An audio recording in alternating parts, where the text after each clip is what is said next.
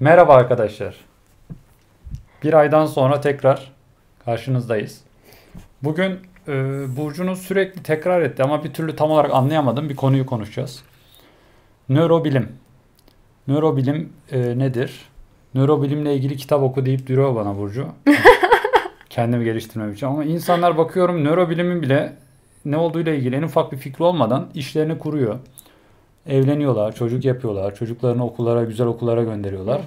Hiçbir denklemin hiçbir kısmında nörobilim diye bir şey yok bu insanların. Belki şimdi sana da soracağız. Belki bunlar nörobilimin söylediği şeyler belki hayatın akış içinde. Belki bazılarını keşfediyorlar. Belki buna ihtiyaç duymuyorlar ama ben buna niye ihtiyaç duyayım? Ya da benim gibi insanlar mı ihtiyaç duyuyor daha çok? Ee, nörobilimle ilgili kitap okumak e, bize nasıl katkı sağlayabilir? Nörobilim kitapları ya da e, neler içeriyor? Sen herhalde oraya dizdiğin kitaplar biraz Evet, bununla biraz alakalı okudum, kitaplar. Biraz okudum evet. Aynen. Yani şöyle düşünüyorum ben. Benim bir beynim var. Ben bu beyin e, belki benim e, anlayabileceğimden daha fazla yeteneklere sahip. Nasıl hani kullanma kılavuzuyla gelmiyor sonuçta. Ve bunu doğru kullanamazsam belki kendime zarar verebilirim. Yeteneklere ve belki de zayıflıklara. Yol açabilir. O zaman anlamak yani e, beyni açıkçası iyi kullanamayanların daha çok ihtiyaç duyduğu bir bilim diyebilir miyiz? Yani kendi kişisel gelişim açısından. Yani şöyle hani sana şu yüzden önermiştim. Sen işte belli şeyleri tam anlamlandıramıyorum işte. Ee, ya da hani tam kendime ait şeyleri çözemiyorum. Tam duygusal süreçlerimi fark edemiyorum. İşte hayatta başarıyı ve mutluluğu mutluluğu kolay yakalayamıyorum falan dediğinde e, nörobilim okumanı önermiştim. Şöyle biz de tabii nörobilim uzmanı değiliz. Zaten bu çok disiplinler arası bir alan. Yani içerisinde nörolojiyi, e, işte bilgisayar bilimlerini, bunun yanı sıra biyoloji gibi birçok alanı içeren bir e, disiplinler arası bir alan ve çalışması zor bu açıdan. Çünkü birçok kanaldan belki bilgi gerektiriyor temel düzeyde ve bir alanda çok iyi bir bilgi. E, Bizim tabii benim burada okuduğum şeyler ve size aktaracağım şeyler ya da Yiğit'e önermemin sebebi şuydu bir merak uyandırmak. Belki bu video aracılığıyla da hani ben bende merak uyandıran veya bende bir değişime sebep olan belki fikir taşlarını burada paylaşırsam siz de tabii ki burada söylediklerimizi %100 e, gerçek olarak kabul etmeden belki siz de bu alanda bu merakınızın veya eğer böyle bir dönüşümü siz de yaşamak istiyorsanız e, bu tarz kitaplara bakılabilir. Nörobilim kitapları artık ayrı bir kategori olarak var. Yani bu internet sayfaların, kitap satan internet sayfalarında da işte kurgu dışı kategorisinin altında olabiliyor veya popüler bilim kategorisinin altında. Ee, işte nörobilim veya evrimsel biyoloji adı altında beyni anlamaya çalışan işte evrimsel biyoloji kısmı daha çok işin evrimsel boyutuna bakarken nörobilim biraz daha beynin işlevleri üzerine odaklanan kitaplar görmek mümkün. Ee, zaten David Eagleman var bir tane o Incognito diye şu kitabı. Ben de ilk bu kitapla başlamıştım aslında. Yani bu kitap beni e, nörobilime belki ilgimi uyandırmıştı. E, bu kitap çok popüler zaten. En popüler e, listelerde sıralanan bir kitap. E, şimdi ben şöyle başlamam gerekirse bir kere benim ilk farkındalığım nörobilimle ilgili şu oldu Yiğit. E, nöro, bu arada genel olarak nörobilimi tanımlayayım belki. Nörobilim beyne odağı alarak insanların düşüncelerini, duygularını, davranışlarını, bu e, nöronların ve sinir ağlarının veya beynin işlevinin ne şekilde etkileyeceğini araştıran bir bilim dalı. Yani bizim düşüncelerin, düşünce dediğimiz, duygu dediğimiz, his dediğimiz, karar dediğimiz, bilişsel süreç dediğimiz şeylerin içerisinde ne kadar beyin sistemlerinin yeri var bunu araştırıyor. Genel olarak bu ama bunun bunu açık araştırırken kimi biyoloji ve hücresel boyutta beynin parçalarına bakıyor. Kimi davranışsal e, boyutlarına çok odaklanıyor. Kimi düşünme düşünme süreçlerine çok odaklanıyor. Farklı odak noktaları görmek mümkün. Şimdi ben tabii bunları okurken e, ilk mesela beni etkileyen şeylerden bir tanesi şu olmuştu. Bir kere beyin hasarları zaten nörobilim deyince belki sizin aklınıza ilk beyin hasarları gelecektir. E, şimdi doğuştan aslında bireysel olarak beynimizin farklı olduğunu keşfetmek. Yani bu nedir? Sen hem doğuştan farklı araçlarla doğuyoruz ikimiz. Yani sende olan beyinle bende olan beyin birbirinden farklı. Kaldı ki doğuşta birbirine yakın. Bu farklılık nasıl? Mesela beynin bazı bölgeleri var. Araştırma yapılıyor. Bazı bölgeler bazı insanlarda daha gelişmiş. Doğabiliyor. Kaldı ki tabi bu gelişmişlik de ileride başka şeylere sebebiyet veriyor. Çünkü beynin bazı bölgeleri senin bazı davranışları gösterme olasılığını artırıyor aslında. Derken sadece doğuştan değil aslında çevresel olarak da e, mesela sen bir beyin hasarı yaşayacak bir kaza geçirdin. Bu artık senin davranışlarında bir değişime sebep olabiliyor. Böyle bir sürü haber, çalışma, bilimsel çalışma var.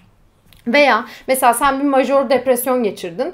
Bu durumda senin beynin amigdala bölgesi diğerlerine göre ki amigdala genelde korku ve şiddetle ilişkili bir beyin bölgesi daha büyümeye başlıyor. Yani major depresyon geçirmiş kişilerin o bölgelerinde bir büyüme gözleniyor. Tabii bu hepsinde olacak diye bir şey yok. Olasılık artıyor.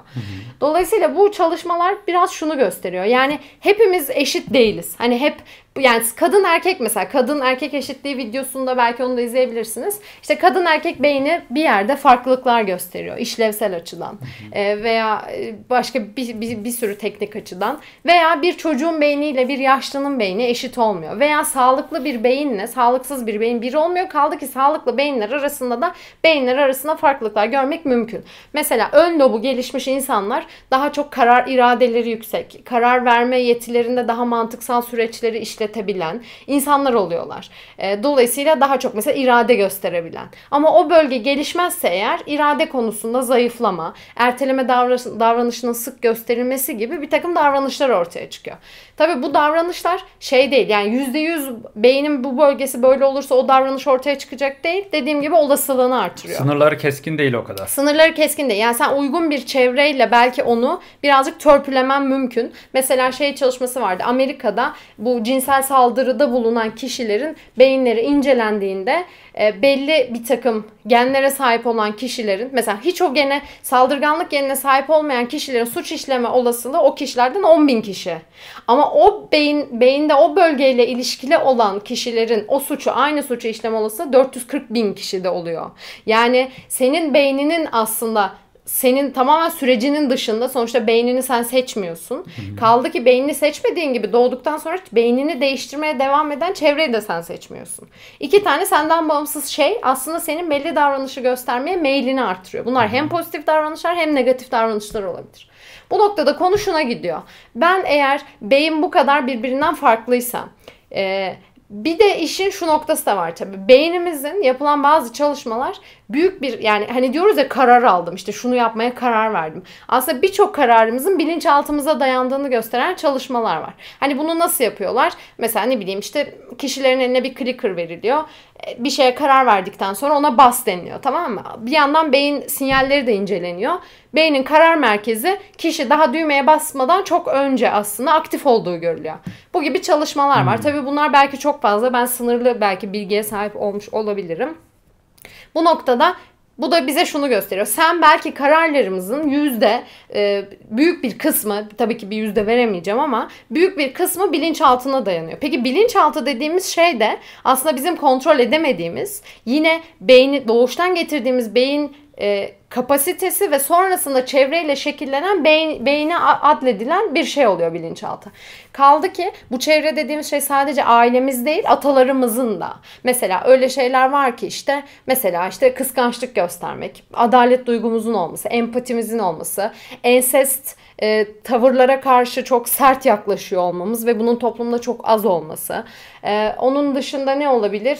İşte e, cinsel bir takım kararlarımız. Aslında bunların birçoğu evrimsel süreçte atalarımızın artık deneyip e, belki e, milyonlarca kez denenmiş ve artık bunlar en ideal, en verimli çalışan sistemler diye beynimizin devrelerine işlenmiş olan algoritmalar hmm. gibi düşünebilirsin. Sen daha onu fark etmeden mesela erkeklere gösteriliyor işte bu gördüğün kadınlardan hangisi daha çekici.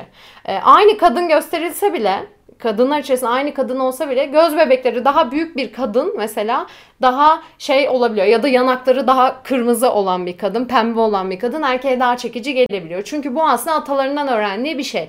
Eğer kadın öyleyse işte belki do ya da ne bileyim işte kalçaları genişse kadının bu doğurganlığının yüksek olduğu anlamına geliyor. Göz bebekleri büyümüşse belli hormonların belki onda yüksek olduğu anlamına geliyor. Derken biz aslında karar vermeden yani bilinçli bir şekilde neden bu neden değil diye mantıksal süzgeçten geçirmeden çoğu kararımızı bilinçaltına göre veriyoruz. Ve bilinçaltında aslında çok fazla yönetemiyoruz. Freud zaten psikanalizde adamın amacı buydu. Dedi ki psikolojik yaşanan travmalar aslında bizim bilinçaltımızla ilişkilidir ve ben bilinçaltına ne kadar inebilirim onun çalışmalarını yaptı. Tabii o zaman beyin daha kapalı bir kutuydu. O yüzden o sadece insanlara işte çocukluğuna inerek bir takım sorularla psikoterapi yaparak belli şeyleri test etmeye ve anlamaya çalıştı ama bugün artık bunlar beyne inebildiğimiz ölçüde yeni bir metot kazanıyoruz. Öyle düşünebilirsin. Yani Amacımız yine insan beynini anlamak. İşte Freud bunu sorular sorarak psikoterapide yapıyor. Buna ek olarak belki daha o organı inceleyebileceğimiz bir metodolojimiz var elimizde teknolojinin de desteğiyle.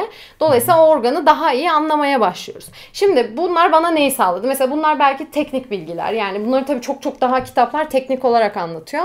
Ben çok yüzeysel geçtim. Örneğin tüm bunları öğrenmiş olmam bende şöyle bir değişikliğe sebep oldu. Ya bu kadar insanlardan bağımsız bir süreç varsa o zaman ben kötü olan insanı bireysel olarak onun suçuymuşçasına, sanki kötülük onun sorumluluğundaymışçasına yargılama ve ona karşı nefret duyma hakkı nereden geliyor diye sormaya başladım. Ve bu beni biraz daha insanlara karşı hoşgörülü olmaya ve bireyi değil, bireyleri belki yönlendirebilen ve mantıksal olarak düşünüp karar verebilen, karar verme zamanı olan sistemleri eleştirmeye doğru itti. Beni bunu öğrenmiş olmam.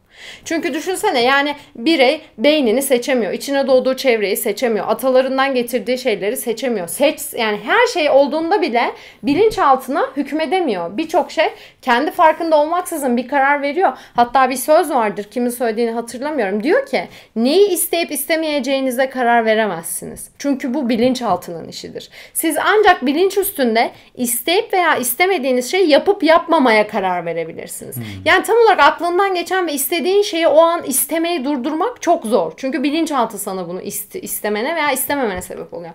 Şimdi bu durumda mesela biri kitap okumayı istiyor. Bir diğer tarafta ise bilinçaltının bir sonucu gereği istemeyen bir insanın kitap okuya kitap okuma davranışları eşit çabayla olmuyor aslında. Bir tanesi istemediği bir şeye karşı belki mantıksal bir takım argümanlar bularak o, o duyguyu geliştirmeye çalışıyor. Onunla bir olumlu duygu üretmeye çalışıyor.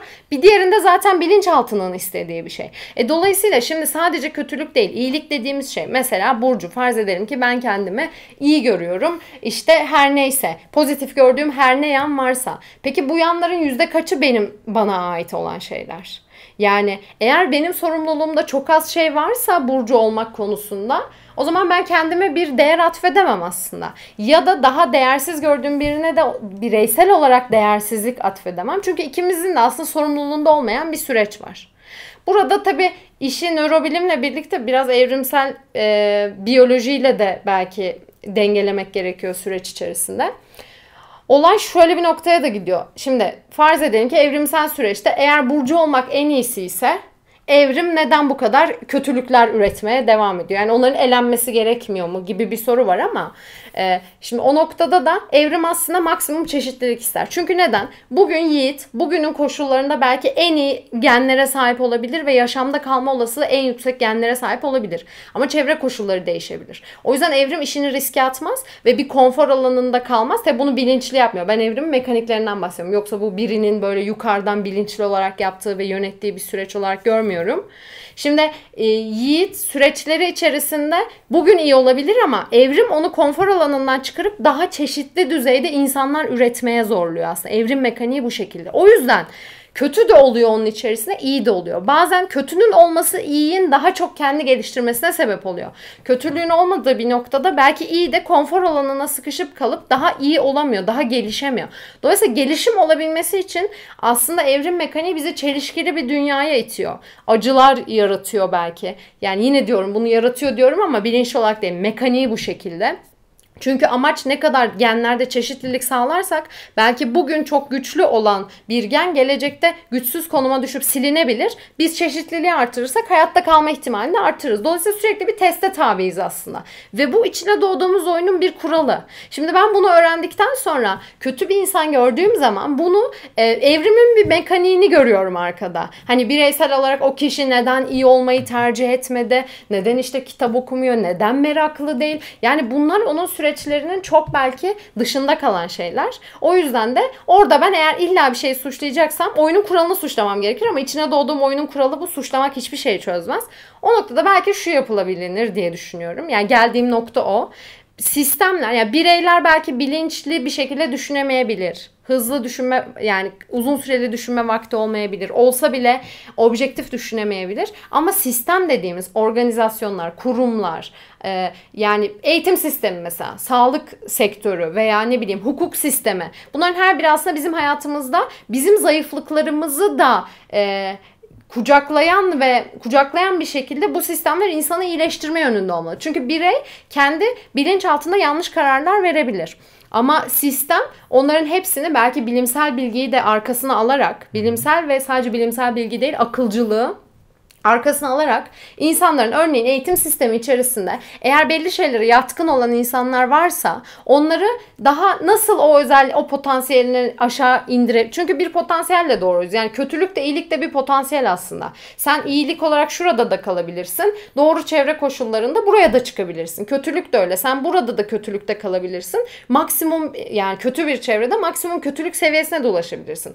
Amaç o zaman bizi yöneten ve bizi çevreleyen sistemlerin iyileştirilmesi ve bu sistemlerin içerisinde mantığın ve bilimin entegre edilmesi. Çünkü bir de düşünme hataları var. Hatırlıyor musun? Bir konuda şey demiştik. Hatta ben bu irrasyonel kitabını da öner, e, önermiştim önceki bölümlerde.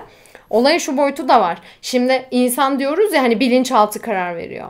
Bilinçaltında da şöyle bir durum var. Bilinçaltı her zaman güçlü bir şekilde çalışmıyor. Bir kere hepimiz evrimsel sürecin bugün çok güzel ürünleriyiz aslında. İşin bu böyle bir boyutu da var. Düşünsene insanlık homo sapiens 250 bin yıldır var olduğunu düşünürsek biz 250 bin yıldır aslında bir gelişim gösteriyoruz. Ve bilim devrimi belki son 500 yılı kapsıyor. 500 yıl içerisinde bile son derece aslında yollar kat ettik. Bu açıdan aslında bilinçaltımıza da çok güvenebileceğimiz bir seviyeye geldik. Gelişim gelişmişlik seviyesi olarak. Ama bu seviye en ideal seviye değil. Hala bilinçaltımızda yanlış kararlar verdiğimiz ve bizi yanlışa iten bir takım aslında algoritmalarımız var kafamızda takip ettiğimiz. Mesela ne var?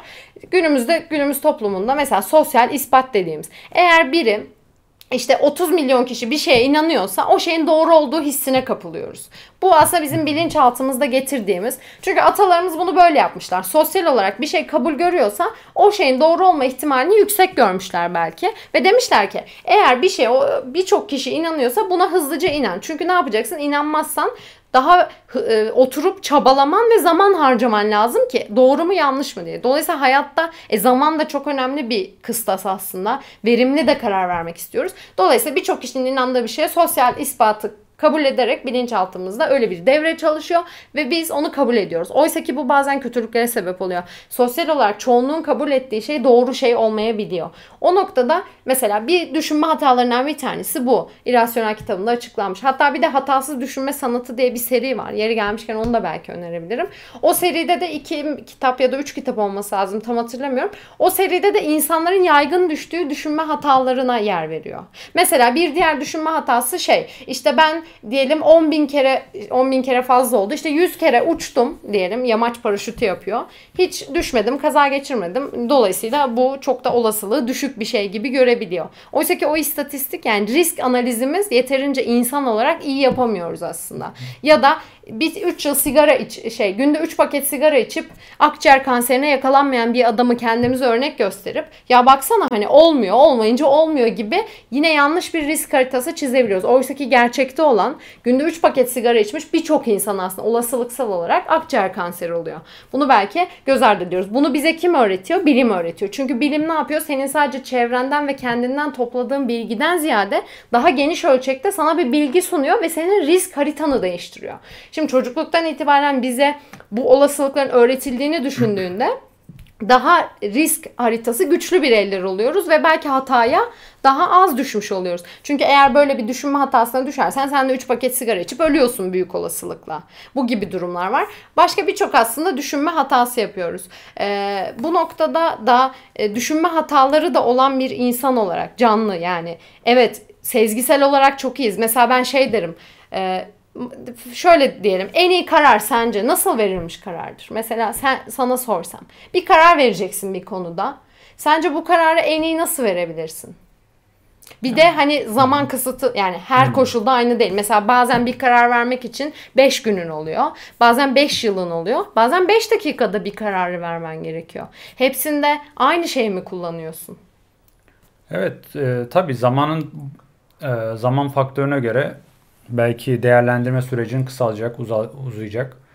Bence en iyi karar senin e, artık amacın neyse o amaca en en uygun çıktığı verebilecek e, yoldur diyebiliriz belki. Mesela duygularını işin içine katar mısın karar verirken ya da sezgilerini ben bunu sezmişim gibi bir şey der misin mesela? Hani çünkü farz Hmm. et ki çok fazla vaktin yok. Diyelim ki karşına işte iki tane kadın çıktı tamam mı? İki kadınla tanıştın. Sezgilerin en iyi anlaşabileceğin olanını hızlı seçebileceğin yönünde mi mesela? Yoksa orada çünkü mantıksal düşünme şansın yok. Bir dakika senin ev- CV'ni alayım. Artık Senin de CV'ni al. olarak Ya evlilik evet. olayı iş, iş olarak olabilir. iş kurabilirsin. Ev, evlilik de sonuçta bir Ha, ortak iki kadın deyince, ortaklaşa. iki evet. insan demedin çünkü ilk kadın deyince. Evet, ilişki de olabilir. Sonuçta karar vereceksin yani. O an beyin aslında onu yapıyor. Kısıt hayatta her şey böyle çok hızlı kararlar verme. Bazı şeylerde hızlı kararlar vermemiz gerekiyor.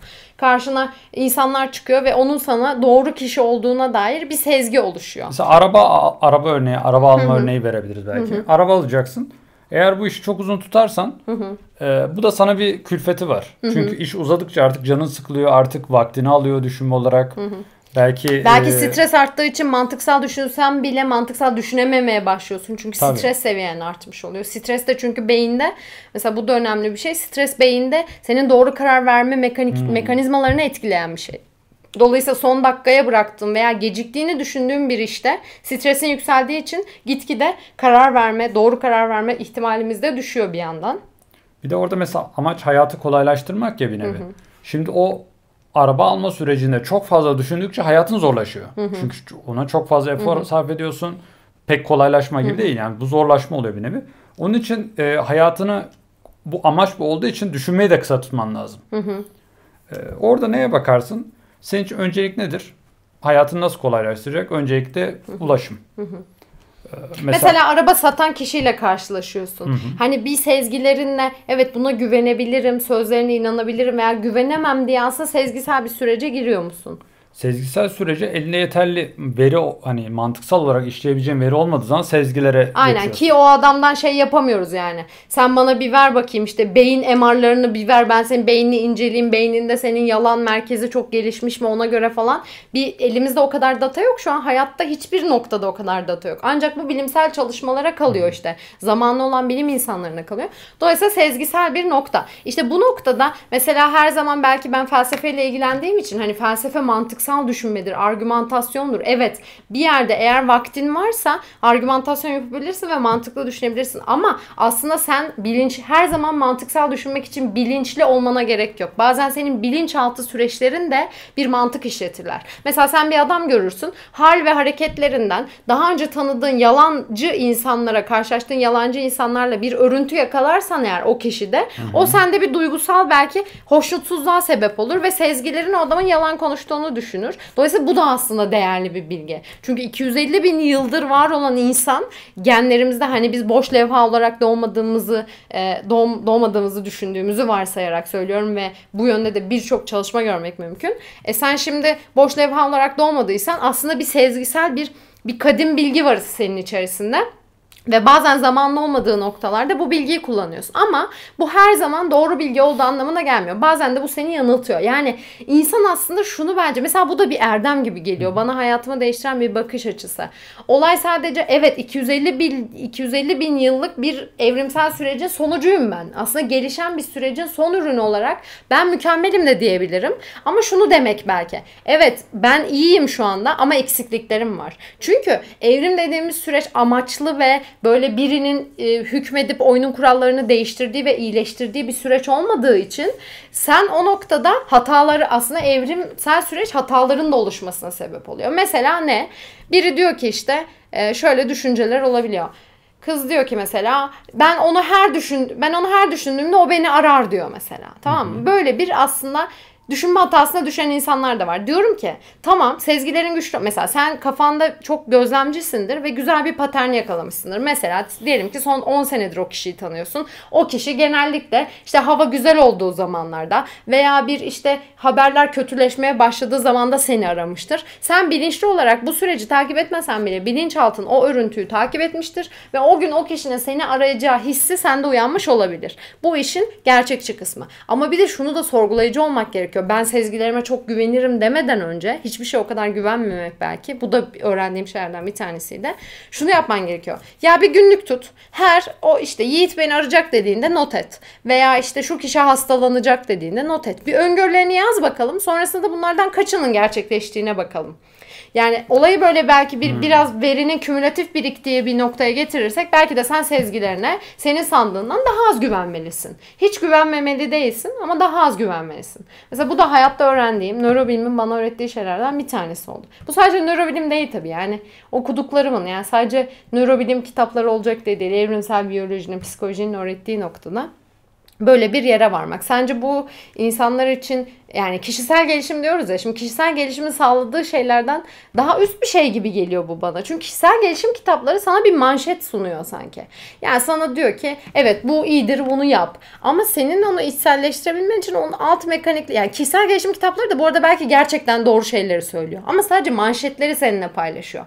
Sen biraz sorgulayıcı ve kolay kabul edemeyen biriysen iyi de bu neden işe yarasın diyorsun. İşte o neden sorusunu sormaya başlayan biriysen eğer kabullenemiyorsan bunu o noktada bu pozitif bilim kitapları sana aslında bu işin nedenine dair bilgiler sunuyor ve artık sen şey diyebiliyorsun. Evet yani mantıklı. E mesela şey derler kişisel gelişim kitaplarında şu yazar. 30'lu yaşlara kadar ne öğreneceksen öğren. Kendi geliştireceksen. Biz de hep korkarız ya işte 30 yaşına geldik işte bir telaş kaplar içimiz. Beynim yani artık duruyor. De, yavaş beynim yavaş. duruyor Yeni şeyler almaya kapanıyor. Evet. Yani bu aslında e, bilimin söylediği yani nörobilimin söylediği 30'lu yaşlara kadar aslında bizim sinapslarımız gelişiyor ve aslında bizim zeka dediğimiz, öğrenme dediğimiz, hafıza dediğimiz, şeylerin yaratıcılık dediğimiz birçok şey sinapslarla yani o nöronlar arası bağlantılarla ilgili. Beyin hücreleri belki yaşlılıkta bile e, çoğalmaya devam ediyor ama sinaps gelişimi o kadar yavaşlıyor ki 30 yaşlardan sonra. Sen yeni bir şey öğrensen de mesela dil öğrenmeye çalışacaksın. Artık elindeki sinaps miktarı kadar öğrenebilirsin. Hmm. Bu senin hızını etkiliyor. Ya da yaratıcı bir eser ortaya koyacaksın. Artık elindeki sinaps miktarı kadar. Yani sen belli yollar açmışsın 30'lu yaşına kadar. Sen artık o yollar kadar bir uzağa gidebiliyorsun. Çok da fazla uzağa gidemiyorsun. Şimdi bu mesela kişisel gelişim kitabında okusan evet 30 yaşlara kadar bir şey yapmalısın. İyi de neden? sorusunu soran biriysen eğer. Ciddiyetini tam anlamadığı için belki de es geçeceksin. Hani onu umursamayacaksın. Heh. Ama böyle bilimsel bir açıklamayla birisi gelse der ki bak tamam bunu batıl inanç gibi de görüyor olabilirsin. Belki 35 yaşında bir sürü şey başaran birini görüyorsun ama evet. aslında o 35 yaşında başaran kişi belki de bunu temellerini 30 yaşına kadar attı. E, attı. Evet. 30 yaşına kadar öyle bir beynini güzel bir noktaya Hı-hı. getirdi ki 35 yaşında onu o başarı elde ettirdi. Hı-hı. Bunu işte görebilmek için dediğin gibi Hı-hı. mesela böyle bir bilimsel background'ını olayın, olayın bilmek gerekiyor. Aynen işin ciddiyetine kesinlikle katkı sağlıyor. E şimdi bunları öğrenmek insanın hayatını nasıl değiştirmez, nasıl dönüştürmez, kişisel gelişim nasıl sağlamaz? Çünkü bir, bir şekilde veriye dayanan ki bilimsel metot şu anda bence güvenebileceğimiz tek metot. Belki en iyi metot değil ama en te, yani metotların en iyisi. Çünkü niye sürekli yanlışlanabiliyor?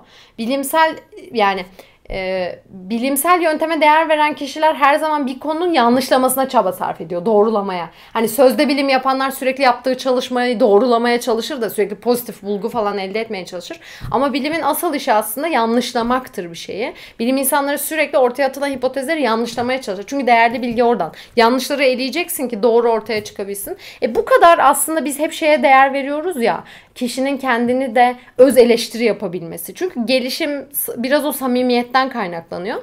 Bilimsel çalışmalar aslında bu samimiyete ve bu öz eleştiri açık olduğu için en iyi yöntemlerden bir tanesi. Bir de benim normal yaşamımda karar verecek zamanım da yok. O kadar her şeyi inceleyip sık okuyabileceğim. Dolayısıyla bilimsel çalışmalar bunun zamanı varken e, ne kadar emek sarf ettiğinden pek de fazla önemsemeksizin bilim insanları aslında belli meraklarını gidermeye ve evreni anlamaya çalışıyorlar. Nörobilimde aslında beyni anlamaya çalışan bir bilim olarak belki görebilmek mümkün. Ee, peki mesela hep e, bu kişisel gelişimde takip ettiğinde şöyle şeyler diyor işte. Bu, bu sabah olumlamanı yaptın mı? Hı hı. Confirmation diyorlar sana. Yani ben iyiyim, ben işte güçlüyüm, Hı hı. ben enerjiyim, ben işte mo- motiveyim gibisinden böyle kendi kendine olumlu cümleler Hı hı. söylüyorlar. Hani bunun mesela sence bir nörobilimde karşılığı var mıdır? Elbette şu- var. Yani şöyle var. şey? Tabii şöyle var. Yani be- mesela şey okumuştum. Sen gül, gülerken mesela aslında beyninin belli bölgelerine sinyal gönderiyorsun. Hormonal bir değişim yaşanıyor sende. Beyin tersi süreçte de aynı şeyleri işletiyor. Yani o hormon hormonlar arttığı için sen gülüyorsun veya sen gülüyorsun beyin yanıl yani beyni de aslında yönetebilmek mümkün. Zaten şu an mesela nöro pazarlama diye bir şey var. Adamların bize yaptıkları şey o. Beyni bir şekilde anlayarak bize belki tercih diye biz tercih ettiğimizi zannediyoruz ama onlar bizim neyi seçeceğimizi o kadar büyük olasılıkla biliyorlar ki. Artık nöro pazarlamada eğer Yiğit'in eski tercihlerinden beyinsel bir şeması çıkarıldıysa Yiğit'in parfümler arasında hangi parfümü seçeceğinin yüksek olasılıkla tahmin etmeye başladılar. Dolayısıyla beyni hacklemek diye bir noktaya gidiyor olay. Aynı şeyi biz normal yaşantımız için de yapabiliriz. Eğer sen gülersen o hormonların arttırılmasını sağlayabilirsin. Çünkü beyin sanki e, bir yanılgıya düşürebilirsin. Anlatabiliyor muyum? Bu şey gibi oluyor. Hani bir söz var ya fake it until you make it gibi. Evet Yapıncaya gibi. kadar onu taklit et. Hani dediğin gibi mutluluğu ya da işte gülümseyerek kendi gerçekten mutlu hale getirebiliyorsun. Halbuki gülümse aslında mutluluğun sonucuyken Evet. mutluluğun nedeni gibi oluyor bir Ne, mutluluğun nedeni gibi de olabilir evet. Yani e, o gülümsemenin de hani o hormonlar daha çalışmadan gülümsemenin de o hormonlara etki edeceğini gösterir çalışmalar var. O yüzden belki o olumlamaları bu şekilde güncellemek mümkün. Ya da şey şey var mesela çok mutlu anlarınızda müzik dinlemek. Yani müzik beyin aslında müziği o mutlu anla eşleştiriyor. Hafızaya öyle alıyor. Bağlamsal bir hafıza var. Ve sen o müziği başka zaman duyduğunda mesela bugün çok mutlu bir şey yaşadın ve bir müzik dinle. O müziği kafan o mutlu anla eşleştirecek ve sen 5 yıl sonra o şarkıyı tekrar duyduğunda belki yine o mutluluk hissine kavuşacaksın. Çünkü hafıza böyle ilişkili kaydediyor bir şeyleri. Doğrudan anı değil. O sen o anıyı yaşarken, deneyimi yaşarken his duyduğun kokuları, duyduğun şarkıları birlikte kaydediyorsun aslında. Dolayısıyla mesela bu da beyni hacklemenin hackleme yöntemlerinden bir tanesi. Ya da yürüyüş yapmak mesela işte senin uyku düzenini po- etkileyen bir şey veya stresini azaltan bir şey. E stresin azaltır, azaltılırsa eğer frontal lob daha iyi çalışıyor. Çünkü stres bazı hormonları tetikliyor. Yani stres hormonları var. Ve o stres hormonları da senin ön lobunun çok iyi çalışmamasına sebep oluyor ve yanlış kararlar alıyorsun belki. Oturup ders çalışman gerekiyor ama sen hazcı bir takım şeyler peşinde oluyorsun. Belki stresin yüksek olduğu için. O yüzden stresini azaltıcı belki yöntemler bulman gerekiyor. Gibi tabii ki yani kişisel gelişim kitaplarında da zaten manşet olarak yazan ama altını da daha detaylı merak edenlerin bulabileceği bilimsel açıklamalar var. Ben hani demiştim ya bu insan beyni kılavuzla gelmiyor kullanım kılavuzuyla. Yani Evet. bu nörobilim bir nevi kullanım kılavuzluğu sağlıyor aslında. Çünkü dediğin gibi mesela bana biri şu bilgiyi verseydi ben küçükken. Ya bak senin sinaps diye bir şey var. Sinapslar senin beyninin yeteneklerini arttırıyor. İşlerliğini, fonksiyonelliğini arttırıyor. Ee, ve bu 30 yaşına kadar daha hızlı gelişirken 30 yaşından sonra yavaşlıyor. Çok için çok yavaşlıyor. 30 yaşına kadar sen hatta belki de belki de peak'te en zirvede olduğu zaman belki 18, 15 bilmiyorum ya da 10. Hani bu yaşlarda işte aileme bana bu aktarılsaydı bu kılavuz gibi. e, çocuğunuz işte ne bileyim satranç mı oynasın, düşünsün mü, piyano mu çalsın, Dil mi öğrensin? dil mi öğrensin? Mesela dil Bu- belki ha. hani o dili kullanmayacak, bir işe yaramayacak belki ama o dili öğrenme Ha, sürecinde sırf- kazandığı sinapslar bile başka bir şey Spora, fitness'a gider gibi beyin fitness olarak belki dil öğrensin sırf hani kullanmayacaksa bile. kullanmayacaksa bile çünkü o dili Ve öğrenirken bu benim bu tercihimi etkileyecekti. Ben şimdiye kadar hep dil öğrenmeye atıyorum şey olarak bakarım. Konu- Konuşmayacaksam tamamen bir vakit kaybı. Evet. Halbuki belki de kullanmayacaksam bile bir fayda sağlıyorsa belki de kursa yazılacaktım. Yani bir Evet. nevi beynin e, bir özelliğini bilmem benim kararımı etkileyecekti. Bu açıdan insanın hakikaten bir kılavuzluk yapabilir. E, kararlarını değiştirebilir. Bu e, anladığım kadarıyla. Nörobilimle ilgili yazılmış kitaplar ya da nörobilimden anlayan insanların yazdığı kişisel gelişim kitapları da beni doğru yönlendirebilir ama bundan emin olmak için acaba sallıyor mu? Evet. Palavra mı O yoksa dayanıklı mı? Yine Zaten- de biraz nörobilim. Zaten bu pozitif bilim kitapları genelde arkasında hani kaynakçayla yer alan. Bak mesela bu kitapta bir sürü arkada kaynakça görmek mümkün. Yine bu David Eagleman'ın yazdığı başka İstersen bir beyin, da arada beyin göster. senin hikayen. İşte şu önce Incognito yazdı muhtemelen. Sonra Beyin senin hikayen. Ee, yine bu da Incognito'nun yazarıyla aynı kişi. Mesela bunun da yine arkasında bir sürü zaten bu adamlar bilimsel yani bilimsel yöntemi kullanarak çalışmalarını yürüttükleri için mesela bu David Eagleman'ın bir TEDx konuşması da vardı. Onu da izleyebilmek mümkün belki. Ee, görme engelli kişilerin yani duyula yani dokunarak arkasına bir yelek gibi bir şey tasarlamış ve kişinin yelekle görmesini sağlıyor. Hmm. Yani çok oraya da şimdi teknik olacak girmek istemiyorum ama adamlar zaten hali hazırda bu nörobilimi sadece bilimsel olarak merakını gidermek açısından beyni öğrenmenin yanı sıra beynin mesela görme engelli birinin beynini de daha çok anlayarak acaba ona başka bir duyu yöntemiyle görmeyi kazandırabilir Evet. miyiz? Yani orada mesela işte yani çiçek gördüğünde dokunsal olarak kodluyor. kodluyor evet. Dolayısıyla aslında görüntü dediğimiz şey bir kodlama mesela. Yine bu kitaplar onu gösteriyor. E, e, Adam görme engelli olabilir ama onu başka şekilde kodlama yöntemi var. Bu adamlar böyle şeylere de sebep oluyor. Dolayısıyla bu adam yazdığı şeylerde hani tutup da sana manşeti vermiyor yani. İşte sabah kalk ve güzelce yürü ve kendine bak gülümse ve ne kadar mutluyum de. Bu tabii bir takım insanları için yeterli olabilir. Yani okumak ya çünkü otorite görmek de önemli. Sen şimdi okuduğun kitabı o kişiyi gerçekten otorite görürsen belki biraz daha inanman artacak. Hani bazıları için kişisel gelişim kitapları otorite oluştururken bazıları için pek fazla oluşturmuyor. Bir de kişisel gelişim kitapları otorite olduğuna inansan bile Yiğit alt mekaniklerini bilmiyorsun ya. Hani bir yerde değişiklik çıksa mesela karşına ne yapacağını da çok iyi bilmiyorsun. Çünkü işin sen manşetini biliyorsun sadece. En Evet, üstteki bilgiyi biliyorsun. Karşına yeni çıkan bir durumda belki daha çok şey bilsen adapte etme şansın daha yüksekken orada o kadar adapte edememiş olabiliyorsun. Yine bu yaratıcı tür var. Bu da insan insan zekası üzerine. Tabi bu adamlar şeye de geleceğim ben. Bu nörobilim neyi sağlıyor?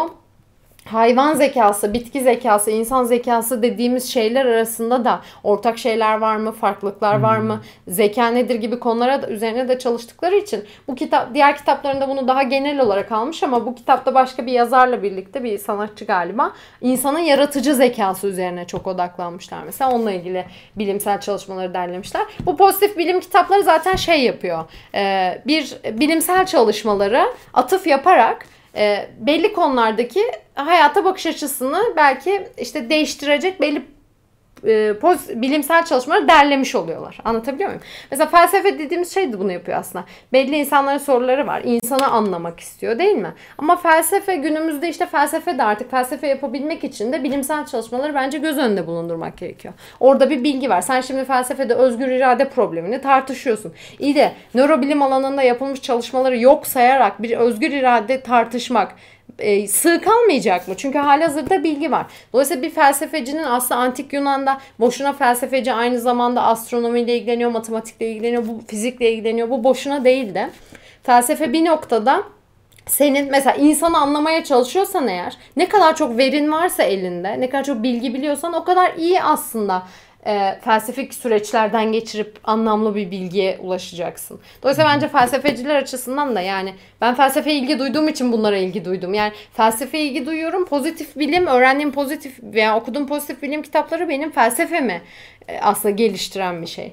Çünkü zaten felsefede, bilimde belli problemleri, biz- yaklaşım yöntemi gibi değerlendirmek Felsefe mümkün. aslında e,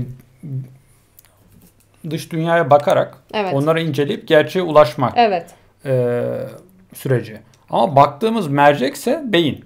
Sen merceğin merceğindeki bir sıkıntı belki yanlış görmenin neden olacak. Onun için mercek bilimi de olması lazım yani. O Aynen. mercek de beyin bilimi.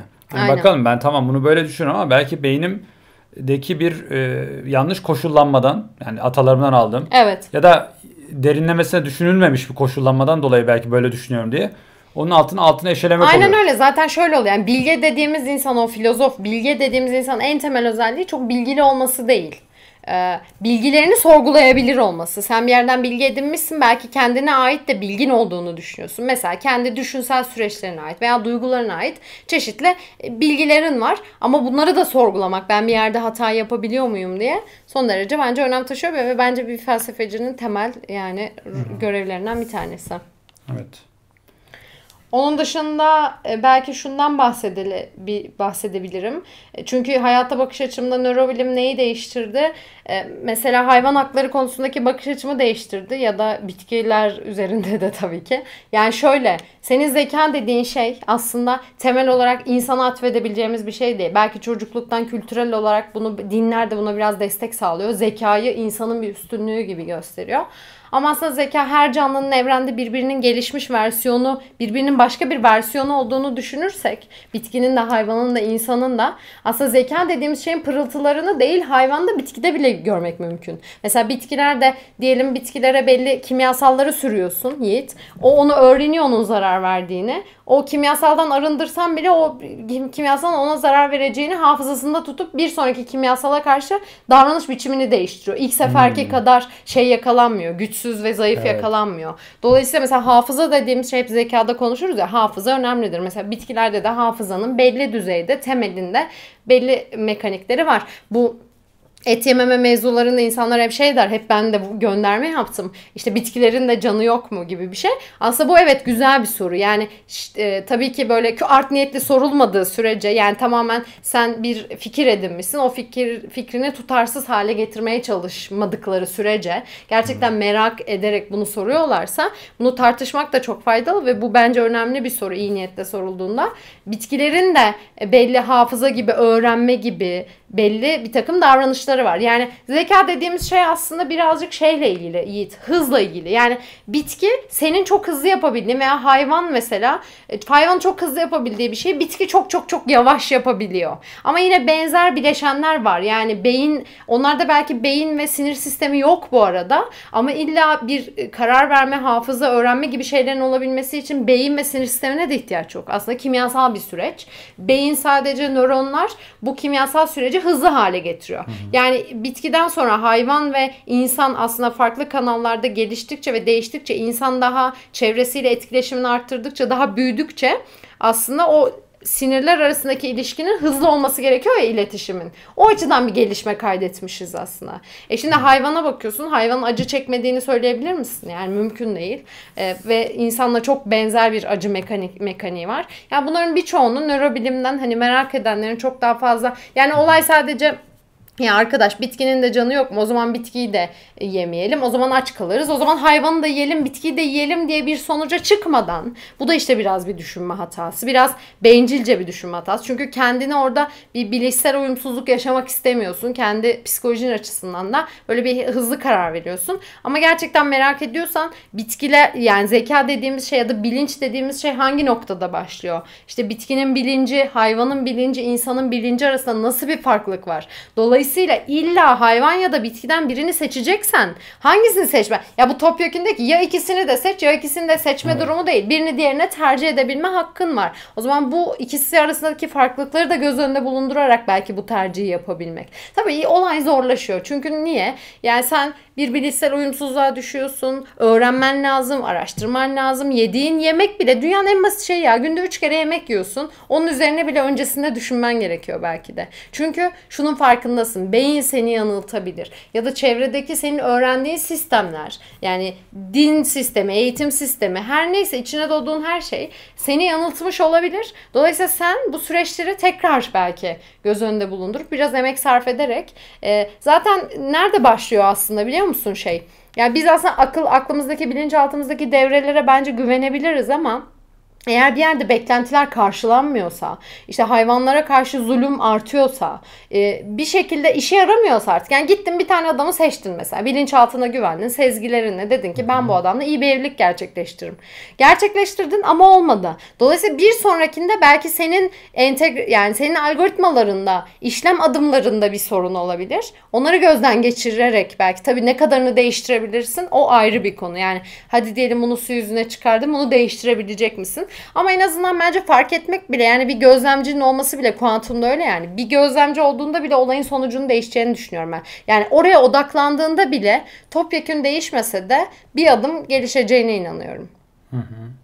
Peki bu söylediklerim hani sen sana da hani bilmiyorum belki birçoğu önceden zaten bildiğin şeylerdi ama e, hani evet hayatta bakış açıma katkı 30'lu 30 yaş sinaps olayını beğendin fark ettim. Hani geriye kalan şeylerin de se- senin bakış açına bir katkısı olabilir mi? Biraz daha irdelesen ya da daha çok okusan bu konuda. Ya benim en çok kafama e, hani dert olan durum şu. Hani dedik ya e, zaman da bir faktör karar verirken. Kitap okurken de öyle. Mesela şimdi o kadar çok kitap var ki okuyacak. Hani nörobilime ben şimdi başlasam şimdi hayatıma katkı sağlaması için hani bütün vaktimi de ya da vaktimin önemli kısmında bunlara ayırırsam bu sefer bunun sonucunda alacağım kararlar bir anlamsız olacak. Çünkü mesela işinde yükselme, ilişkiler sağlama. Hani onun zamanını iyi ayarlamak lazım. Sonuçta her zaman bir zamanla bir sınavımız var. İşte burada hangi kitabı seçeceksin? Ne, ne hangi kaç kitap okuman lazım? Evet. Hani bu devreye giriyor. Ne kadar süre hani Ama belki işi yine aynı olacak ya da ilişki içinde olduğun şey aynı yani aynı kişi olacak ama o kitaplar senin bakış açını değiştirecek. Sen hiçbir şey değiştirmeden verimli bir şekilde daha mutlu bir insan da olabilirsin. Yani evet emek harcama ve durma problemi hani bilgisayar biliminde de yani o algoritma ne zaman duracak? Çok önemli bir problemdir. Aramayı ne zaman bırakmalısın? Bu bilgisayar bilimi için de çok mesela önemli bir problem. İnsan beyni içinde ne zaman yani ne zaman bir şeyleri arama, aramayı ne kadar sürdürmelisin ve nerede durmalısın? Bunun optimum seviyesi ne? İşte zayıf canlılar olduğumuz için bence bunun şeyini yaşıyor olman çok normal. Biraz deneme yanılmayla yani hayatta boş vakit çok geçiyor. Ama hani bunları okumasan da sanki geriye kalan vakitlerin çok mu hani e, dozu yüksek, çok mutlu, çok Evet buradan etkin şunu mi çıkarım. En geçiyor? azından bir roman okuyacaksam, 100 roman okuyacaksam, Evet. 100 roman önce bunu öncelikli olarak önce bunu okurum mesela. Şimdi mesela bu kararından sonra şey bu e, konuşmadan, sohbetten sonra kesinlikle öncelikleri değiştirdi. Yani nörobilim en azından e, önümdeki bundan sonraki okuyacağım 3 kitaptan biri nörobilim olacak diyebilirim yani şu noktadan sonra. Süper. Mesela peki insanlara hani sen nasıl da şey bilmiyorum ama e, böyle bu arada sana anlatmışım da hani soru soruyormuşum gibi oldu. Sor sor. Hayır etkiledi mi diye merak ediyorum. Ne yapayım o kadar konuşuyorum. Kesinlikle etkiledi. Ya şöyle mesela insanların beyinsel farklılıkları ve insanın aslında çoğu zaman bilinçaltıyla karar vermesi durumu da sende hani bir insanı sevmeme durumunda belki sana biraz daha anlayışlı ve hoşgörülü olmak. Sen zaten hoşgörülü biriydin gerçi. Belki bunu okumasan da e, bilinçaltında veya bir şekilde okudun bir yerlerden e, hoşgörülü davranıyorsun ama biraz daha hoşgörüsüz insanları hoşgörülü olmaya itebilir mi sence? Ee, olay sadece aslında onlara hoşgörü gösterme değil. Hani sen dedin ya insanlar kötü insanlar verdiği kararlar e, tamamen düşünerek değil. Belki de onların artık otonom sistemi ya da zihinlerine yerleşmiş kodla o hareket yapıyor.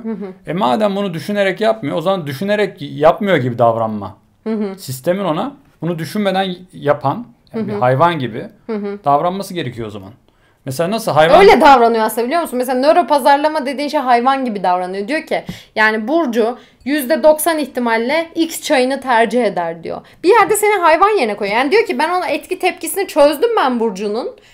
Tıpkı bir daha az gelişmiş bir canlı kadar çözdüm. Dolayısıyla ona şunu verirsem ondan bunu alırım biliyor ve çoğu zaman da işe yarıyor. Ama işte günümüzde artık dünyanın gittiği yer gereği de yani nörobilim çalışmaları ilk etkisi nöro pazarlamada oluyor. Bu çok acı değil mi? Yani bunca bilgiyi biz Tabii biri birine önce daha lehine kullanıyor. Heh. Bu araştırma sonucunu ben bir alayım. alayım ben Ondan bunu daha sonra- çok ürün satmak için kullanayım. Mesela kimse de demiyor ki ya burada mutsuz kendi mutsuz hisseden insanlar var. Acaba bu mutsuzluğun sebebi ne? Ya tabii bunu da diyenler var ama çokça nöro pazarlama gelişiyor mesela. Şu an bak nörobilimciler nöro pazarlama hakkında konuşuyor.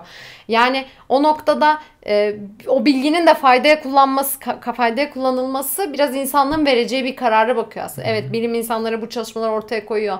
Büyük bir merakla ve emekle beyni anlamaya çalışıyor ama o bulgular ne işe yarayacak? Biz biraz da aslında bu videoları o yüzden yapmıyor muyuz? Yani bu bulgular nöro pazarlama dışında mesela bugünkü videomuzun aslında temel olayı bu benim gördüğüm çok az da olsa bulgular ki bunun çok daha fazlası var. Bu bulguların bizim daha mutlu olmamızda, insanlara karşı daha hoşgörülü olmamızda, daha barışçıl olmamızda bir katkısı olabilir mi tarafındayım ben mesela.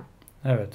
Bu video öyle bir şeye sebebiyet versin çok isterim örneğin. Yoksa nöro pazarlama hakkında konuşsak belki ayrı bir sürü Yani teknik şöyle de ve yöntem aslında benim aklıma şu örnek geliyor. Farz et ki böcekler evi istila etti. Evet. Her yere e, pisletip belki de e, kirletiyorlar. Yani yiyecekleri, gıda maddelerini. Sen bu böceklerle e, anlaşma yoluna gider misin? Ya bakın yaptığınız yanlış. Siz böyle yaparsanız benim sağlığım etkileniyor. Ben de sizin sağlığınızı kötü etkileyebilirim diye uzlaşmaya girmezsin. Ne yaparsın? E, İlaç firmasını çağırırsın. Bir güzel her yeri ilaçlatırsın ve onların yok olmasını sağlarsın. Ben onu yapmam. Ben şunu yaparım. Yani şey tabii ki anlaşmak Yok zor. şuraya varacağım. Yani sistem de e, sanırım bu noktada baktı bazı insanları mesela hız yapıp alkollü araç kullanma kesinlikle onlara bilişsel tercihleri değil. Onların ruhunda var, içinde var. Eğer bazı insanlar da bunu gördüğü zaman e, onu eğitimle düzeltmek yerine hapse atarak Evet. onun anladığı yine duygusal bir şeyle. Madem sen bir şey Ama hapis severek bir işe yapıyorsun. yaramıyor ki Yiğit. Yani şöyle düşün. Hapse atıyorsun ve herkese aynı cezayı veriyorsun. Ama hepsinin beyni aynı değil. Nasıl İşte, aynı tedaviyi kimisini- bekliyorsun? Kimisini o zaman e, eğitimle Heh. bakacak bu küçükken hakikaten uygun eğitim alamadığı Evet. için bu davranışı yapmış.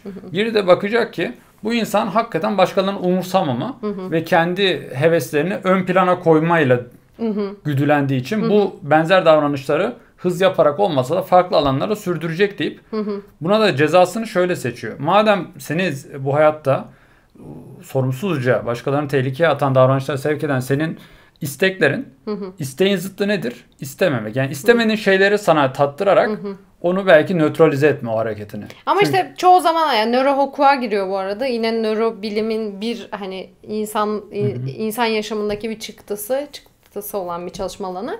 Orada da şu var. Şimdi sen adama cezalandıracaksın ama adam hapishaneye atıyorsun. Belli özgürlüğünden mahrum bırakıyorsun. İyi de bu adamın o konudaki yıkıcı gücünü dönüştürdüğün anlamına gelmiyor ki. Adam hapisten çıktığı zaman yine araba kullanıyor. Evet bir caydırıcılığı var ama tedavi etmiyor. Dolayısıyla yetmiyor. Zaten biz toplumda şu an Her suçları şey tedavi edilebilir midir? işte Buradan o, sonu, o soru da geliyor. Evet tedavi edilebilir mi? Ama şöyle bir durum var Verdiğin ki emeğe değecek mi? Mesela bir insan tedavi etmek için kaynaklarını ona yapıyorsun ama o kaynaklar 10 tane insanı mutsuzluğuna çünkü Yo ama onlardan şöyle çalmış düşün. oluyorsun. Verdiğin emeğe bence şöyle yetecek. Sen e, örneğin alkol bağımlısı bir insanı tedavi ederken aslında normal, çok sağlıklı bir insan ama hayatta doyumu yok. Mutsuz hissediyor kendini. Onu anlamak noktasında da aslında bir bulgu elde edeceksin. Yani o insanlara doğrudan hani yok saymak ve üzerine emek sarf etmek sarf etmezsen iyi insanlar için elde edeceğin bir şeyi de elde edemeyebilirsin.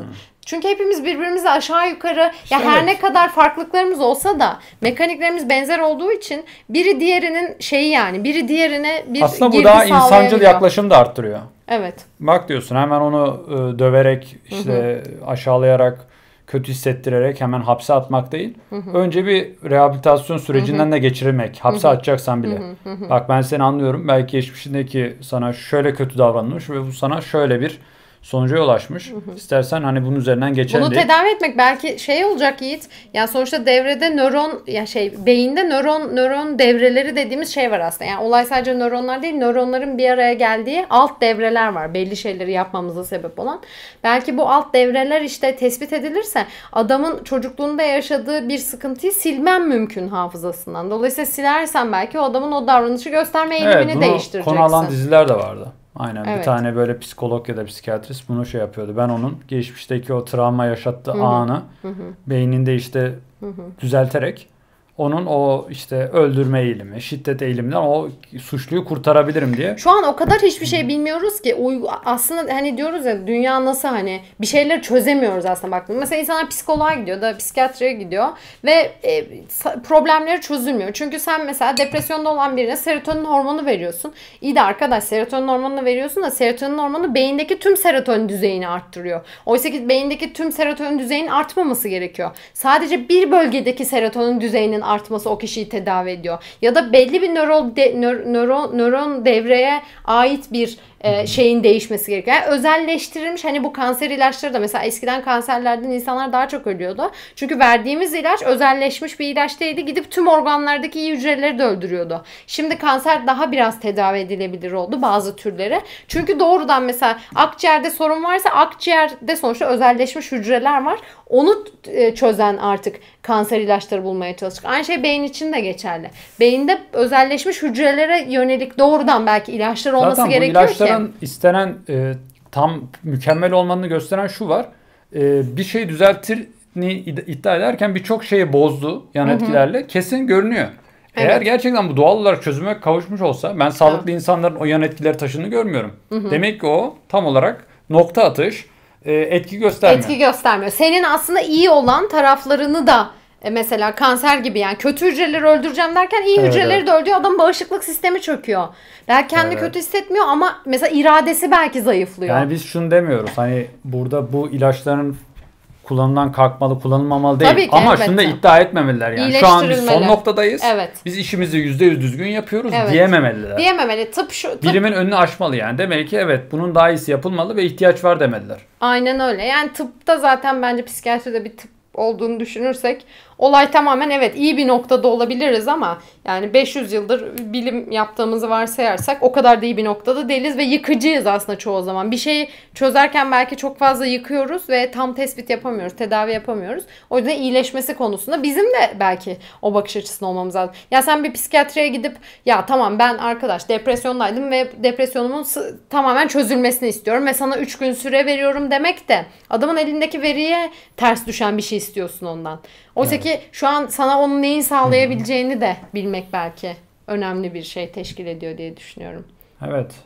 İstersen ben bir iki e, kitap okuyayım nörobilimle ilgili. Sonra ben de e, bunun üzerine bir başka videoda Sen de Daha- evet bir reflection dediğimiz şey Reflection. var. Çok severim ben onu. Yani ya, yansı yansıtma mı artık Türkçesi? Yani bir şey okuyup sende olan değişimi. Çünkü ben hep onu yani kitap falan okurken hep onu test etmeye çalışırım. Yani kitap niye okuyasın ki? Kitap sende bir şey değişime sebep olmalı değil mi? Yani ya tabii mutlu falan da Peki sen hissettirebilir bu ama. okuduğun kitaplar içinde bana en iyi geleceğini düşündüğün hangisi var? Önce Incognito ile başla. Zaten ilk Tamam kitap onu o. ben bir alayım en. İyi geleceğini düşündüğüm demiyorum bu arada ama seni bilgilendirecek. Söyle Sen o bilgi sonucunda belki düşünsel süreçlerini gözden geçirip e, belli şeylere bakış açını değiştireceksin. O da seni duygusal David olarak pozitif Eagleman. yönde. Nö- nörobilimci olmayı nörobilimci olmayı eğlenceli bir şey gibi gösteren adam. Hmm. Beynin gizli hayatı Aynen. demiş. Ben de bu arada şu an şu kitabı okuyorum. Bunu da tavsiye ederim. Ben bir garip döngüyüm. Bu kitapta hani en sonda söyledim ya insan zekası, hayvan zekası, bitki zekası, işte acı dediğimiz şey hayvandaki e, karşılığıyla insandaki karşılığı ne gibi sorulara cevap veren ve insanın da aslında bir hayvan gibi çok temelde bir döngüden ibaret olduğunu gösteren güzel bir kitap. Henüz tamamlamadım. Yarısındayım. E, bunu da belki bitirdikten sonra önerebilirim. Ya bir sürü kitap var açıkçası. Yani Stephen Pinker'ın mesela Zihin Nasıl Çalışır kitabı vardı. Ee, yine bu da böyle evrimsel psikolojiye çok odaklanan bir kitapta. Bir sürü kitap görmek mümkün. Yani irrasyonel var insanın düşünme hatalarını aslında düşünme dediğimiz şeyin bilinçaltında olan ve çoğu zaman rasyonel değil. Yani rasyonel dediğimiz nedir? Akılcı. Masaya yatırırsın. Artılar bunlar, eksiler bunlar şeklinde yapmadığın. Örneğin anne olmaya karar vermek, işte birini sevmek, bir şey yapmak istemek gibi birçok şeyin altında irrasyonel aslında kararların yatabileceği ve insanın aslında mükemmel olmadığı. Yani nörobilim bana onu da e, çok sağladı ve tabii ki evrimsel biyoloji. Yani insan dediğimiz şey o kadar da mükemmel ve hani mükemmel tasarımın bir ürünü olarak işte hata yapmaz, yanılmaz bir du- durumda değil.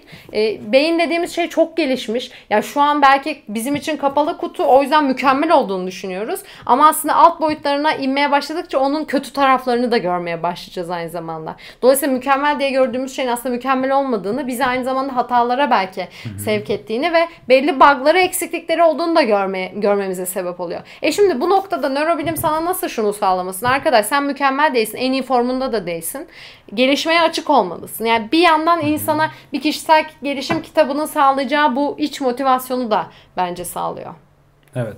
Bu nörobilim konusu tabii çok şey. Alt başlıklara ayrılabilecek bir konu. Yani işte özgür irade var mı? Nörobilim bu konuda ne diyor? Belki bu çok alt bir başlık. Biz böyle bugün genel aldık ama belki ileride alt şeylere bölebiliriz. Bu arada aklıma şey geldi şimdi konuşurken. Hani şöyle bir şey yapsak mı? Mesela nörobilimin işte hayata bakış açımdaki etkileri gibi bir başlıksa Ha, eğer bu evet. videonun Aha. konusu. Bir de işte mesela evrimsel biyolojiden ne öğreniyoruz? Hmm. İşte evrimsel psikolojiden ne öğreniyoruz? Herhangi Evet, bir alan evet. aslında bize hayata bakış açımızda çünkü biz eğer düşünürsek Yiğit, düşünme süreçlerine bilgileri dahil etmek zorundayız ve e, aslında bizle aynı soruları soran farklı alanlar var, farklı bilim insanları var, farklı düşünürler var. Onların elde, onlardan elde ettiğimiz bilgi bizde hangi dönüşüme sebep oluyor? Belki onları Ha, evet, paylaşabiliriz. Daha somut örneklerle diyorsun değil mi? Daha somut örneklerle aynen. Yani mesela bugün nörobilimde işte diyelim 30 yaşlara kadar sinapsların e, gelişimini çoğunlukla tamamlamış olması. Somut somut bir örnek. Belki daha alt başlıklara ayırsaydık aslında birçok çalışmada vardı notlarım arasında. Yani birçok yapılmış deneysel çalışma. E, çünkü insanlara şey mesela e, bir, bir deneysel çalışma şu. Şimdi adama diyorlar ki sen ırkçı mısın? Hayır diyor ben ırkçı değilim. Peki diyor sence bir kadının illa işte senin güzel bulman için zayıf mı olması gerekiyor? Yo hayır diyor. Hani çünkü kendini şey görüyor aslında. Hayır bu mantıksız dolayısıyla ben öyle değilim. Gerçekten kendi sürecinde farkında olmayabilir. Bu arada mesela psikiyatride insanlara düşünsel süreçlerini, duygularını anlatmasını istiyor insanlar ama psikologlar adam belki o süreçlerin kendi bile farkında olmayabilir. Bunu kaçırıyoruz. O noktada şimdi adama bunları soruyor. Adam diyor ki hayır ben öyle biri değilim. Ben o, orada onu sevmem, bunu sevmem falan. Sonra adama çok hızlı karar vereceği bir deney tasarlanıyor. Ne yapılıyor mesela? Belli kötü kelimeler geçiyor tamam mı? İşte her kelime geçtiğinde bir zayıf kadın bir şişman kadın karşısına çıkıyor. Pozitif kelimeyi duyarsa mesela zayıfı seçiyor da negatif kelimeyi duyarsa e, orada kilolu olanı seçebiliyor. Çünkü kafasına çok hızlı karar vermesi lazım ya. Bilinç yani orada artık e, aslında kendinin bile fark etmediği e, ön ne denir ona ön yargıları ortaya çıkıyor. Mesela deneylerden bir tanesi bu. Hiçbirimiz belki içimizde ben belki şu an ırkçı olmadığımı düşünüyorum ama tam olarak içimdeki ırkçılığa dair her şeyi aşıp aşmadığımdan emin değilim. Dolayısıyla bu deneyler bunu da sağlıyor. Böyle böyle belki bir seri yaparız. Yani Olur. şu deneysel çalışma Sen hayata bakış konuşacaksan açımızda ben ne? varım. Hayır Yiğit artık sen de okuyorsun. Ben de okuyacağım Bak artık. bu serinin ikincisi de nörobilimle ilgili Yiğit'in bakış açısına katkıları gibi bir şey olsun Tamam. o zaman. Bu kitaptan sonra arkadaşlar artık bir ay sonra karşınızdayız. Bunu okuyacağım Burcu. O Tamam. zaman ben senden ödünç alırım artık. Tabii ki her zaman alabilirsin. Tamam. Peki o zaman bugünlük bu kadar yeter diyelim mi? Evet. Biz de bir ara verelim. Senin de biraz uykun gelmiş gibi oldu. Biraz sıktın mı diyorsun? Yok sıkılmadım ya. Belki Emin bugün bir rehavet vardı üzerine ondan Ha, olabilir. Tamam. Sıkılmadım Hava kesinlikle. bugün bayağı sıcak. Belki Zaten onu- ben de tekrar izleyeceğim için kaçırdığım noktaları da oradan artık telafi ederim. Hiç sorun değil. Buradayken bile kaçırabiliyor musun? Kaçırabiliyoruz ya. Doğru kaçırabiliyor. Çünkü sen de bir şeyler düşünüyorsun. Şaşırıyorum ben izlerken çok şaşırıyorum ya Gerçekten. Nasıl yani? Ya bilmiyorum bayağı iyi konuşmuşuz diyorum. daha doğrusu konuşmuşuz derken kendim çok değil daha çok Burcu iyi konuşmuş diyorum. Aşk olsun. Sen iyi soru Bazen sorduğun dal, için ben daldığım iyi- noktalar oluyor. Çünkü e, dediklerinden bir şey çağrışıyor ve sen çağrışıyor. oraya onu, gidiyorsun. onu düşünürken bakıyorum birkaç e, cümle paragraf kaçmış olabiliyor. Sonra tekrar e, yapıyorum. onu. Burcu bir de çok hızlı beyni hızlı çalıştığı için. e, Kadınların ama beyindeki dil merkezleri daha gelişmiş o Öyle yüzden. mi? Yani erkek beyni, kadın beyni. Mesela feministler de bence e, feminist olmadan önce nörobilim bilmeliler yani. Kadın beynine, erkek beynine bilmelisin ki onun savaşını ve mücadelesini İşte genelde verebilesin. e, hani feministtir şudur budur ayrım onunla alakalı söylemiyorum. Genelde nörobilimi en çok bilmesi gerekenler Evet. nörobilimi hiç bilmek Bil- istemeyen istemeyenler. insanlar biraz da. Doğru. Doğru. Yani aslında biraz da şu var. Yani bir insan kendini eğer eksiklerini kapatacak kadar kendini geliştirmeyi sevmiyorsa Evet. başkaları kendini ekstra geliştirip kuracağı sistemle onları Aynen hizada öyle tutacak oluyor. bir kurallar Aynen koyması öyle. gerekiyor. Onun için Olsun. kurallar ondan faydalı işte. Kesinlikle. Aynen öyle oluyor. Olsun o insanlar da bence kendinden gocunmasın. Mesela biz gocunmayalım. Hani biz bir tık işte o daha okuyoruz işte bunu paylaşmaya çalışıyoruz falan falan diye. Bence bunun gocunulacak da bir tarafı yok. Çünkü biz de şöyle düşün Yiğit. Yani yine evrime bağlayacağım ama yani evrimsel süreçte o evrim ona onu yaptı. Bana da bunu. Yani ortak bir Evet, mirastan söz ediyoruz. O zaman bu ortak mirası eğer bende olan bazı pozitif şeyler mirasın bir ürünüyse bunu paylaşmak. Başkası başka mirası paylaşmak.